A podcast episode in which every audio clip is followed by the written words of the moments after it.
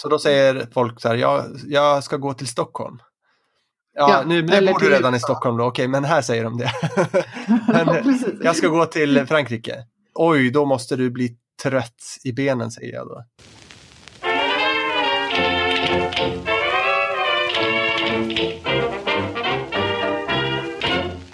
Lysande lagom. Lysande lagom heter podden. Välkomna. Eh, Det här är en podd om svensk kultur, svenska språket och om att lära sig svenska. Jag heter Emil Molander, lärare i svenska som andraspråk. Och jag heter Sofie Tegsen Devå. Jag driver företaget Be Swedish som har kurser i svenska och svenskhet. Eh, Men temat idag alltså är svenska ett svårt språk och för vem? Man får höra ibland av folk att de säger så här, ja, svenska som är så svårt. Hon har lärt sig svenska bra, men det är ju ett väldigt spro- svårt språk. Mm. Eh, s- För det är många som tror det. Många svenskar som tror det ja. Ja, precis. Och jag tror det är därför också man, eh, det där som vi kanske Men, var inne lite men på. tror, tror de verkligen det? Ibland får jag uppfattningen att de inte alls tror någonting överhuvudtaget men säger det bara för att liksom säga någonting. Jag tror inte svenskar tror särskilt mycket alls om hur det är att lära sig svenska. Nej, men om det är något de säger så slänger de väl ur sig det där. Liksom. Ja, då Jag tror att det där är det är också varför man säger bra så fort någon har lärt sig säga hej. Bara, Åh, fantastiskt, svenska som är så svårt. Ja, jag har en liksom egen teori att folk gärna säger det där för de tycker att folk pra, alltså, icke-svenskar pratar så dålig svenska och de är ganska ovana. Om, jag, om man jämför med engelska till exempel, engelska pratas ju på en massa olika sätt, inte bara i liksom, Storbritannien och USA och Australien utan även i många liksom, före detta kolonier. Så man är ju van vid liksom, att det låter lite hur som helst. Men i, på svenskarna är vi ju liksom vana vid att det ska låta på ett väldigt visst sätt. Så när någon kommer med en liten brytning då verkar oj vad svårt det där verkar, tror jag. Ja, ja, precis. Vi har inte haft lika lång träning kanske att höra olika varieteter av svenska. Plus att, att svenska är ett språk som är mer kanske beroende av betoning och, och, och toner, liksom prosodi, än, Mm. än engelskan är. Så att vi hör, vi har liksom noggrannare öron. Det är skillnad på banan och banan Mm. eh, för en svensk.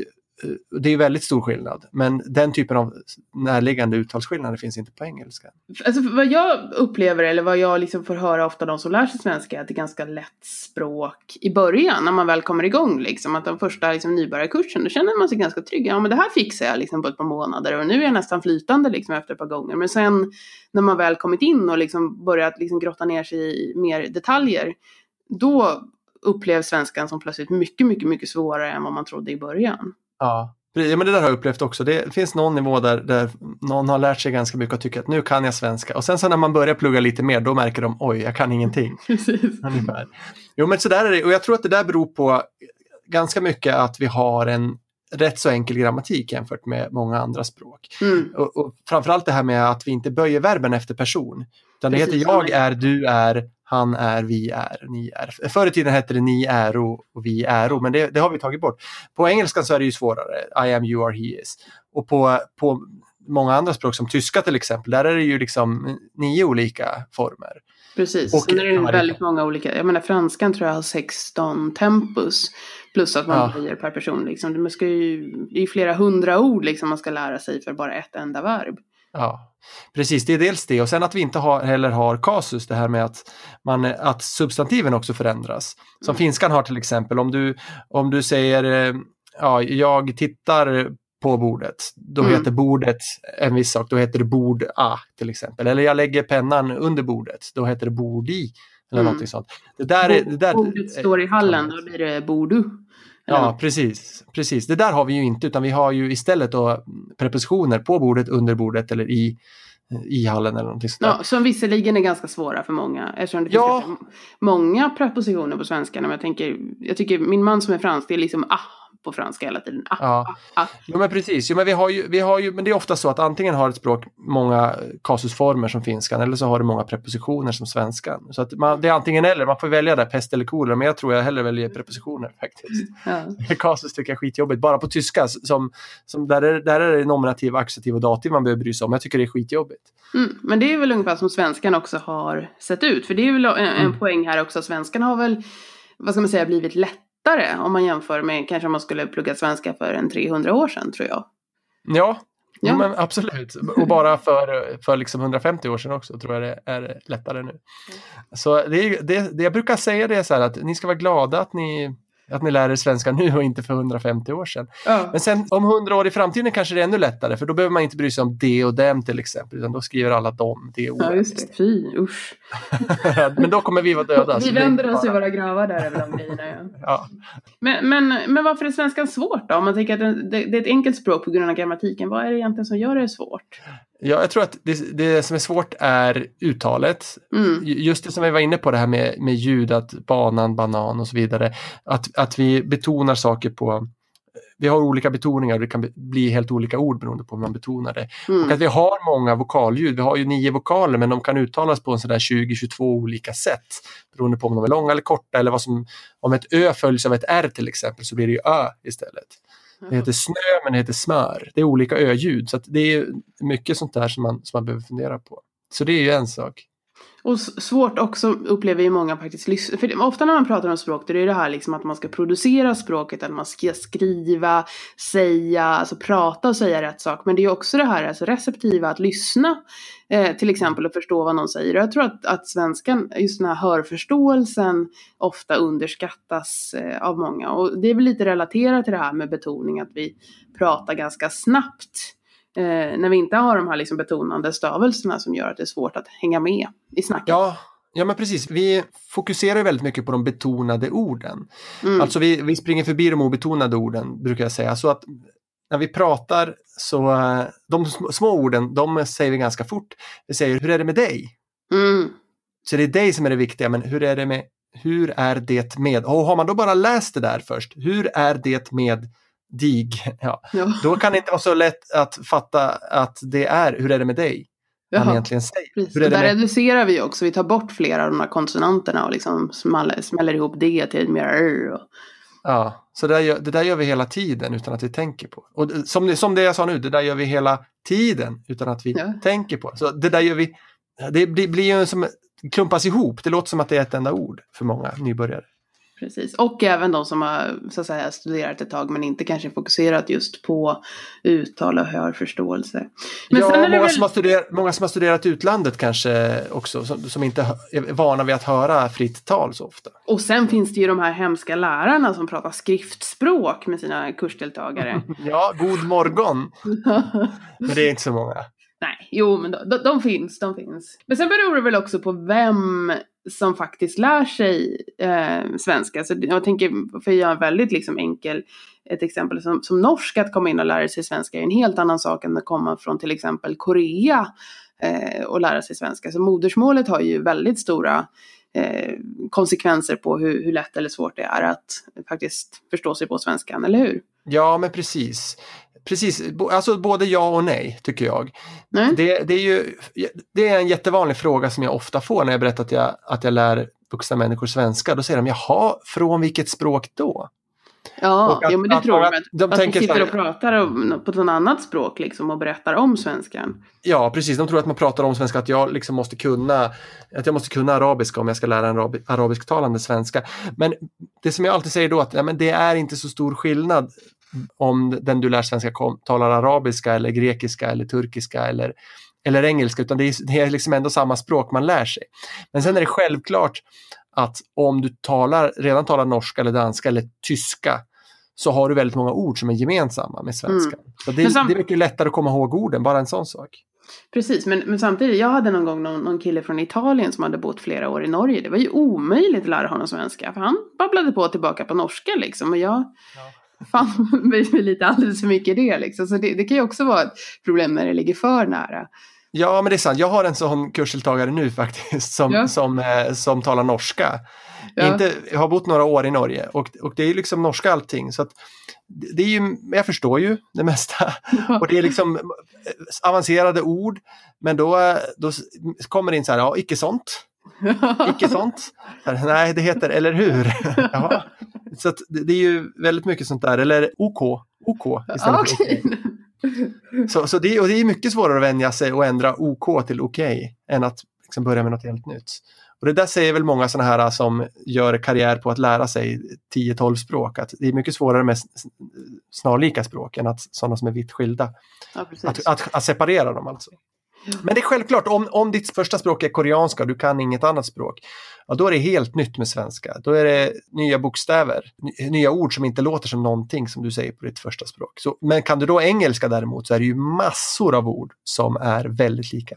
Precis, och det där brukar ju vara ganska svårt. Jag har en, en, en kinesisk kille just nu och han liksom beskriver det för liksom att från hans perspektiv så är ju svenska och engelska mer eller mindre liksom samma. Han har ju kunnat engelska kanske i 20 år liksom och han har pluggat på engelska sådär. Han kan engelska rätt bra och nu kan han även rätt svenska rätt bra. Men för honom är det där, ja, mer eller mindre samma sak. För liksom skillnaden mellan de två språken är så otroligt minimal om man jämför med liksom skillnaden mellan svenska och kinesiska eller svenska eller engelska och kinesiska.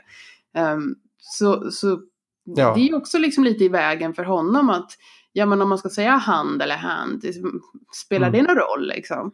Så han mixar ju ganska liksom hejfritt där, för det är ju ungefär samma ändå för honom. Så när, när, när liksom, vad ska man säga, skillnaderna ser ju väldigt olika ut också beroende på från vilket håll man liksom kommer. Ja. Sen, men sen, jag kan tycka att det är lite orättvist också för att om, om man har engelska som sitt första språk Mm. då, då har man ju på ett sätt har man ju lättare att lära sig svenska när man har kinesiska som, som andra språk. Men, men en annan sak som, är, som kan vara negativt för den som har engelska som första språk, det är ju det här med att man kanske inte har studerat några språk. Speciellt inte amerikaner. Några har studerat spanska, men Ja, de flesta har aldrig studerat ett annat språk än sitt eget, eh, och kanske inte ens sitt eget. nej och om de har gjort det så har det ju varit liksom någon slags gymnasienivå Mm. Eh, och då var ganska liksom fokus på lite på grammatik och de har kollat på någon film. Men de har ju aldrig liksom tvingats använda det här språket utan det har ju varit liksom en liten kul grej eller någonting för sina betyg. Men jag- jag jobbade rätt länge på studieförbund och då fick man sådana här deltagarlistor eh, när man skulle börja en kurs. Och då tittar man igenom det där och man lär, sig, man lär ju känna liksom varifrån de här olika namnen kommer. Och så Mm. såg man så här liksom Andy och bara nej. Och särskilt då när det var nybörjarkurs, då visste man nu kommer det bli problem. Liksom, kommer den här om, ja, britten eller amerikanen eller australienaren sitta där och liksom inte fatta vad vi andra håller på med överhuvudtaget. Men är det för, för att de inte kan grammat, grammatiska begrepp då, eller vad är det specifikt som, som du tycker då är? Ja men det- är klart, det, det är väldigt sällan att de har liksom någon större koll på vad, vad ett verb egentligen är. Men, men, men sen liksom bara allmän ovana vid att lära sig språk, ovana vid studieteknik och sen tycker jag också att liksom, de har väldigt svårt att acceptera att man säger saker på ett annat sätt. Och det där måste ju du också ha sett. Liksom, första lektionen man ska presentera sig själv. Vi säger jag heter Sofie och inte mitt namn är Sofie. Ja. Och redan där så blir det en bugg liksom. Vadå? Men vad betyder heter? Ja, Ehm, ja men precis. ja, men, men det, det, det, där, det där handlar ju lite om, om kultur också och vad man, vad man anser vara normalt och avvikande. Om man hela tiden har levt sitt liv med att som man själv pratar är normalt, mm. att det inte finns någonting annat, ja det kanske finns någonting där borta. Då är det inte lika viktigt att anstränga sig för att bli som det där lite avvikande. Ja, jag, jag tror nog att de vill anstränga sig, men det är liksom, det, det, det, blir, någon slags kortslutning. Det, det funkar liksom inte. Det går inte att acceptera att, att det inte är liksom ord per ord, utan att det finns de här liksom fraserna som man använder. Och du vet också det här med hur mår du? Vadå mår? Mm. Vad betyder mår? Jag mår trött. Nej, det kan du inte säga. Nej. Och sen kommer de börja fråga, kommer de in nästa dag, nej men det där, det där, det där tycker jag låter så konstigt, hur mår du? Då frågar de, hur är du? Istället, how are you? Och då säger jag, ja men, jag är en jättebra lärare. hur är du själv? Precis. Men, men, men, sen, men sen tror jag att också ett problem när man kommer hit som eng, engelsktalande är att alla svenskar vill prata engelska. Du kommer in på ett café liksom och säger jag vill ha en kaffe. Eh, med, med din engelska brytning kommer ju direkt kafépersonalen direkt, alltså de, de byter direkt till engelska. Det är inte en chans att få öva Ja. svenskan där liksom. Eh, Precis, jag tror speciellt i Stockholm inom serviceyrken, där byter de till engelska. Där tar de i engelska även om man inte pratar engelska med dem. Ja, ja, det, är, min, det är min fördom om Stockholm i alla fall. Men det, nej, men det där förekommer i resten av, av Sverige också, att, att folk vill vara lite tillmötesgående. Och då väljer man att prata engelska. Jag hör att du kan engelska så jag tar engelska. Och just, ja ah, det är en amerikan, lite coolt, eller det är en britt, vad coolt. Då får vi prata engelska och, och man tycker att det är typ en kompis. Jo men precis, och det där är väl liksom lite status också. Det är ju mycket coolare att komma från USA än att komma från Saudiarabien. Ja. Eh, om, man, om man kommer till Sverige idag. Så det, vi skulle nog inte liksom gå lika långt för att bemöta någon och prata arabiska. Eh, Nej, Tror jag, utan det är just det här lite coola. Ja men Ehm. precis, och det där tycker jag är orättvist för en eh, engelsktalande som har en jättekraftig brytning som pratar svenska lite så här för att jag är amerikan. Det tycker folk är liksom lite skärmigt. Ja. och det anses positivt och man, de får ett positivt bemötande kanske. Medan om någon pratar med, med en, en arabisk brytning eller någon annan sorts brytning så, så får man en mycket sämre bemötande. Så, ah, har du inte lärt dig svenska ordentligt? Ungefär.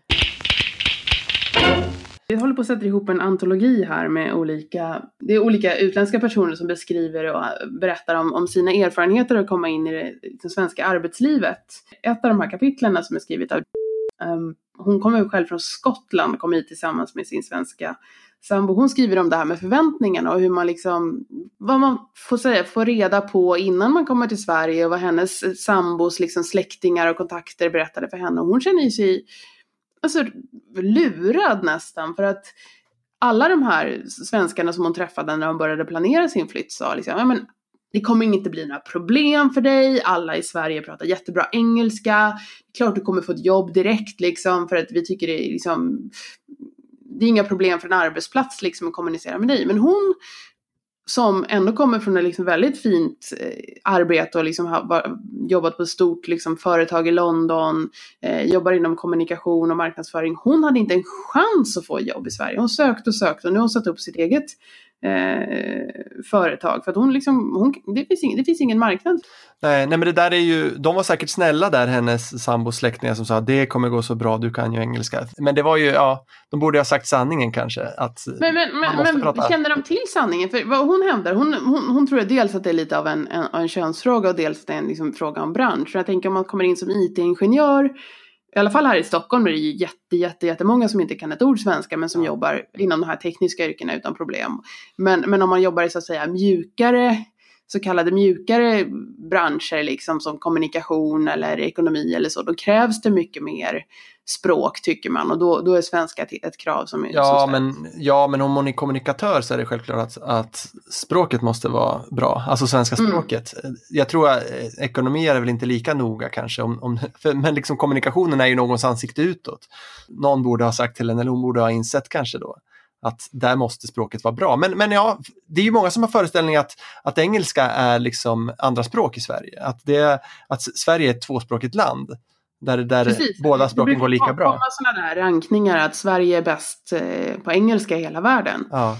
Och det kan man, luska lite med hur de där undersökningarna ju- gått till så är det ju inte riktigt helt eh, säkert. Och framförallt så handlar det ju liksom om olika typer av, av engelska. Visst, vi kan sitta och kolla på en liksom, tv-serie på Netflix och förstå allt. Ja. Eh, men det är inte samma sak som att kanske byta arbetsspråk och plötsligt liksom göra alla sina jobbgrejer på engelska. Då är vi nog inte så bra på engelska som vi faktiskt tror. Nej, men det, nej, och det är ju jobbigt, det är ansträngande. Alltså det är bara om du själv går på ett barnkalas och så är det olika föräldrar, så är det en som inte kan svenska. Att få Mm. alla där, liksom tio föräldrar kanske runt ett bord, att prata engelska istället för svenska för att, liksom, för att vara schysst mot den här som inte kan svenska, det är ju, det kanske går i 30 sekunder. Sen är det någon som inte orkar. Ja, och det har ju inte bara med liksom språkfärdigheterna att göra. Det är ju också det här, lite- det är lite pinsamt att prata engelska. Särskilt om man, liksom, om man är med folk man känner som man är van att prata svenska med. Det där brukar jag prata rätt mycket om när, när folk liksom säger ja men, ja men ni två som är spanska på den här arbetsplatsen, varför pratar inte ni svenska tillsammans? Ja. Men det är jättejobbigt att prata ett annat språk med någon som, som man liksom har lärt känna på sitt eget språk. Ja, ja men det, det är ju det och det är, det är svårt att, att göra bytet också bara. Bara det liksom, att det, ju, det känns ju löjligt.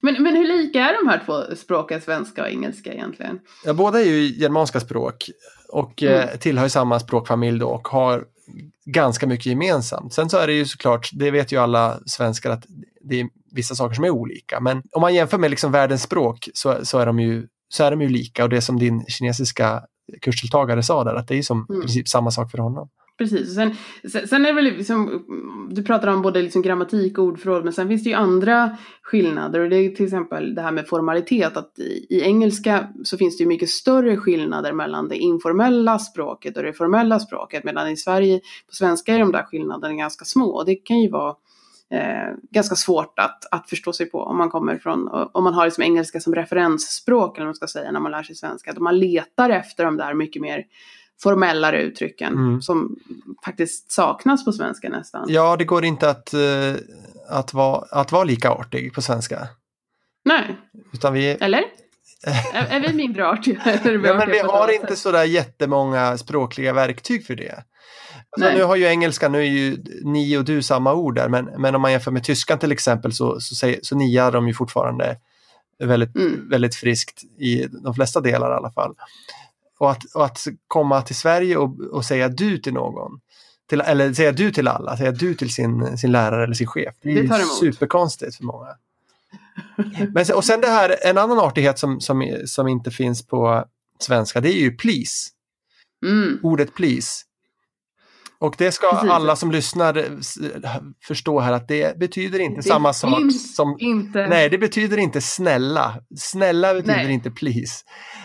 Kan du ge, Och vänligen, vänligen betyder inte heller please. nej. kan du ge Och mig en kopp här- kaffe? Snälla! det är en del som tror att gärna betyder please. För man kan ju säga, vill du ha en kopp kaffe? Gärna. Ah, Men då plötsligt hör man någon säga sen, eh, kan du gärna öppna dörren åt mig? ja, precis. Och det funkar ju inte heller. Nej, men det, det är väl där jättesvårt att acceptera både för den som kommer hit och för svenskar. Att, för jag, jag, jag tror att svenskar kanske inte egentligen tänker på att, att det finns ett, ett sätt att prata som inte, vi, som inte vi överhuvudtaget använder oss av. Och därför tror man, ja men snälla eller vänligen är väl ungefär samma sak. Mm. Men det är det inte. Men, men vad ska man säga då istället för eh, snälla? Vad lär du dina Eh, kursdeltagare? Det som är väldigt viktigt på svenska är faktiskt inte vilka ord vi använder utan hur vi liksom använder rösten. Och jag menar, ett, ett väldigt vanligt exempel på det här som, som, som man kan göra på svenska det är att säga det här du. Mm. Eh, tror du att du kan hjälpa mig? Att, att, att man liksom drar ut lite där och gör ett långt du av det hela. Det är ett helt annat än att säga du, kan du hjälpa mig? Mm. Eh, Just det. och det där brukar ju ha rätt roliga effekter. Att, an, antingen så säger de här kursdeltagarna, nej men det där kan jag inte säga, jag kan inte säga du till någon. Det, det, På det engelska är det väldigt fräckt. You, hey you. Ja, precis. Och det är nästan ännu värre på några andra språk. Ja. Och, eller så, så hör de det där och säger, ja men okej, ja men så, så, så ska man säga. Men de, de hör inte den här liksom nyansen när vi pratar om ton och röstläge, utan då blir det liksom det här du. Ja, Eh, som inte alls uppfattas som trevligt av svenskar. nej. Så, så det, där, det där är väldigt, väldigt svårt att, att snappa upp och, och lära sig om inte någon verkligen visar på det där. Jag hade en kursdeltagare en gång, vi övade just på det här med tonläge och det var ganska tidigt på en kurs. Och eh, i kurslitteraturen som vi använde, det var en dialog som visade på det här att vi kan vara ganska liksom, vad ska jag säga, straight to the point. För att använda ett engelskt Ja. uttryck. Men, men Ja, vi kan gå rakt på sak, heter det på svenska. Precis, och, och, och eh, då är det en person som är i en eh, matvaruaffär och säger parmesan. Eh, till någon Ja, någon annan säger ja, där borta till höger, Ja, eh, bland ostarna. och sen nästa dag så kommer den här killen in på kursen. Han han var jättetrevlig, jätte, jättesocial kille från, från Kina. Och så ser han mig så lyser han upp i hela ansiktet och säger parmesan Sofie. ja. ja, men precis. Ja, det, är ju, det är ju nästan fräckt att bara säga parmesan istället för att säga ursäkta mig, kan du berätta var parmesanen finns? Men det är Ja. acceptabelt i, i Sverige. Ja, det är acceptabelt och, och du kan komma, gå in liksom på, på ett café och säga en kaffe. Mm. Utan att vara otrevlig, men då måste tonläget vara Ja. rätt. Och du, kroppsspråket och ansiktsuttrycket kanske också.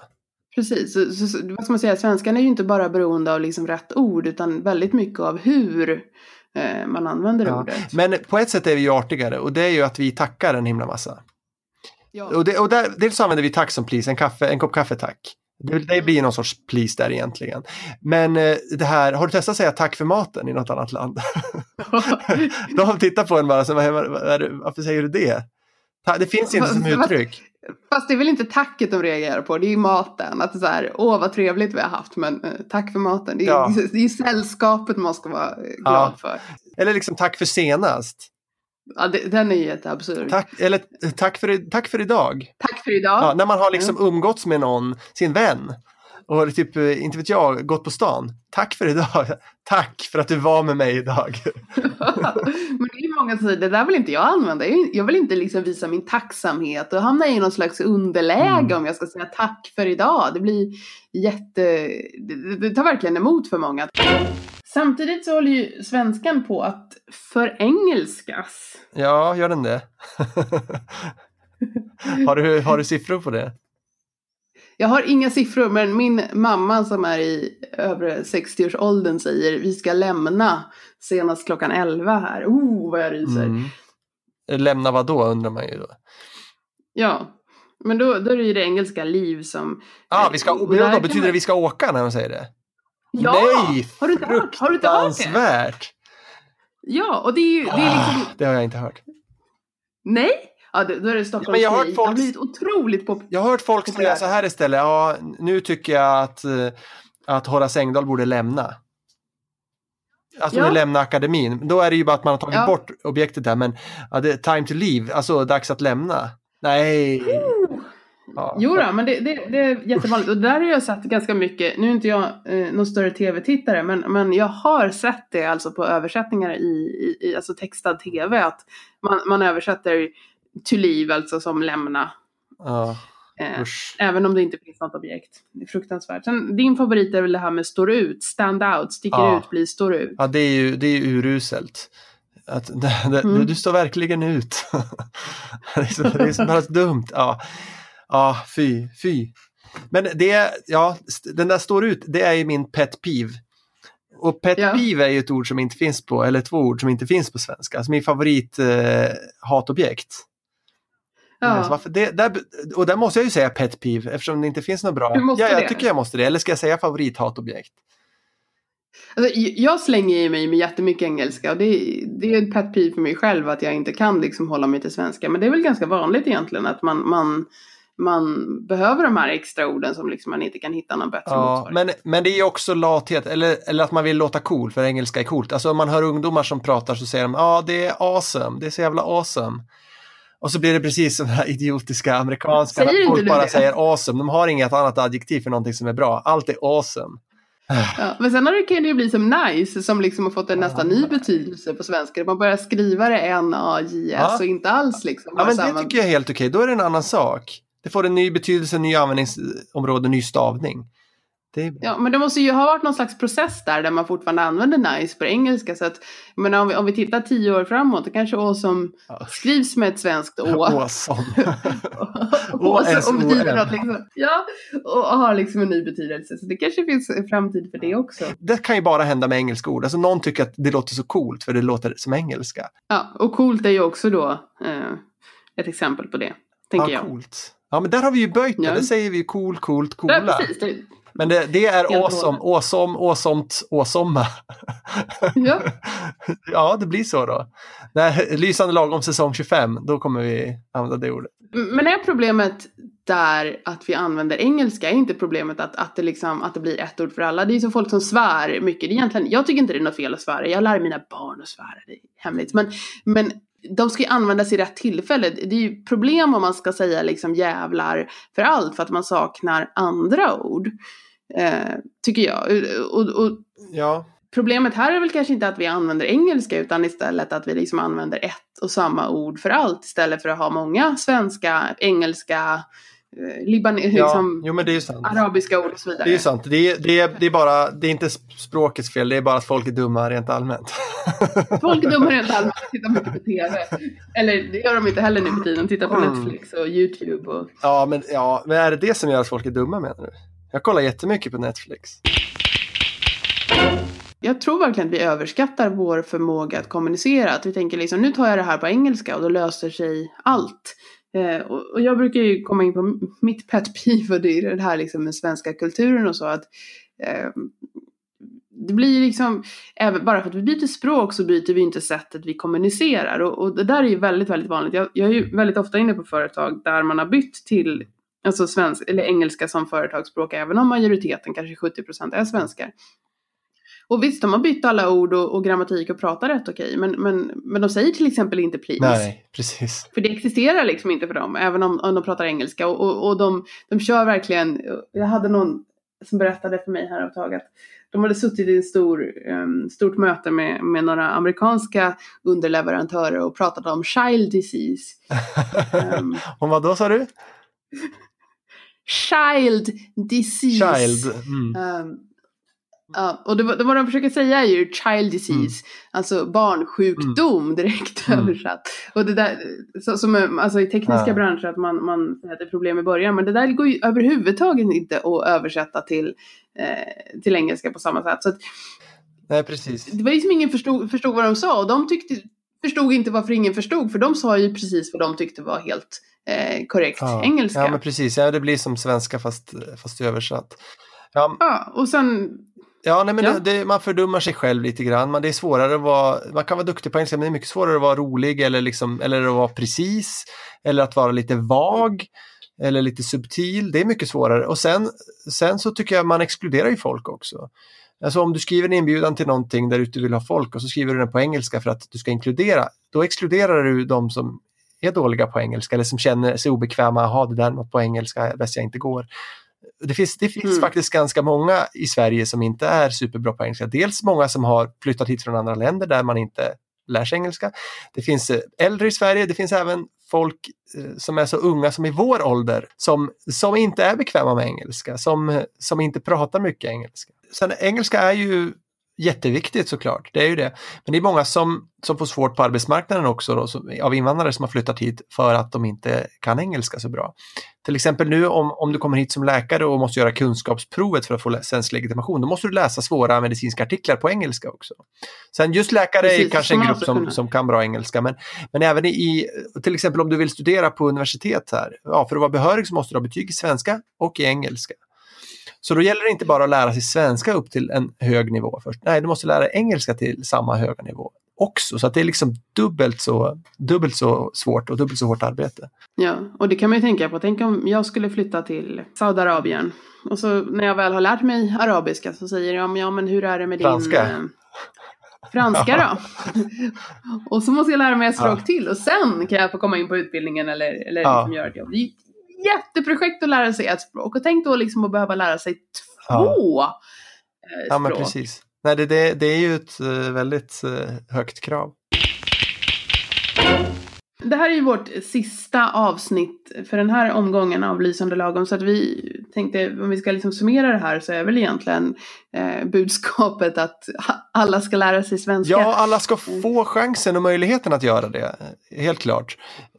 Eh, Alla som, som flyttar hit alltså från andra länder. För, dels för, för vårt samhälle så är det bättre och man, inkludering och integration och så vidare. Men för, för mig som, som träffar många som har flyttat hit så är det ju för den individens skull.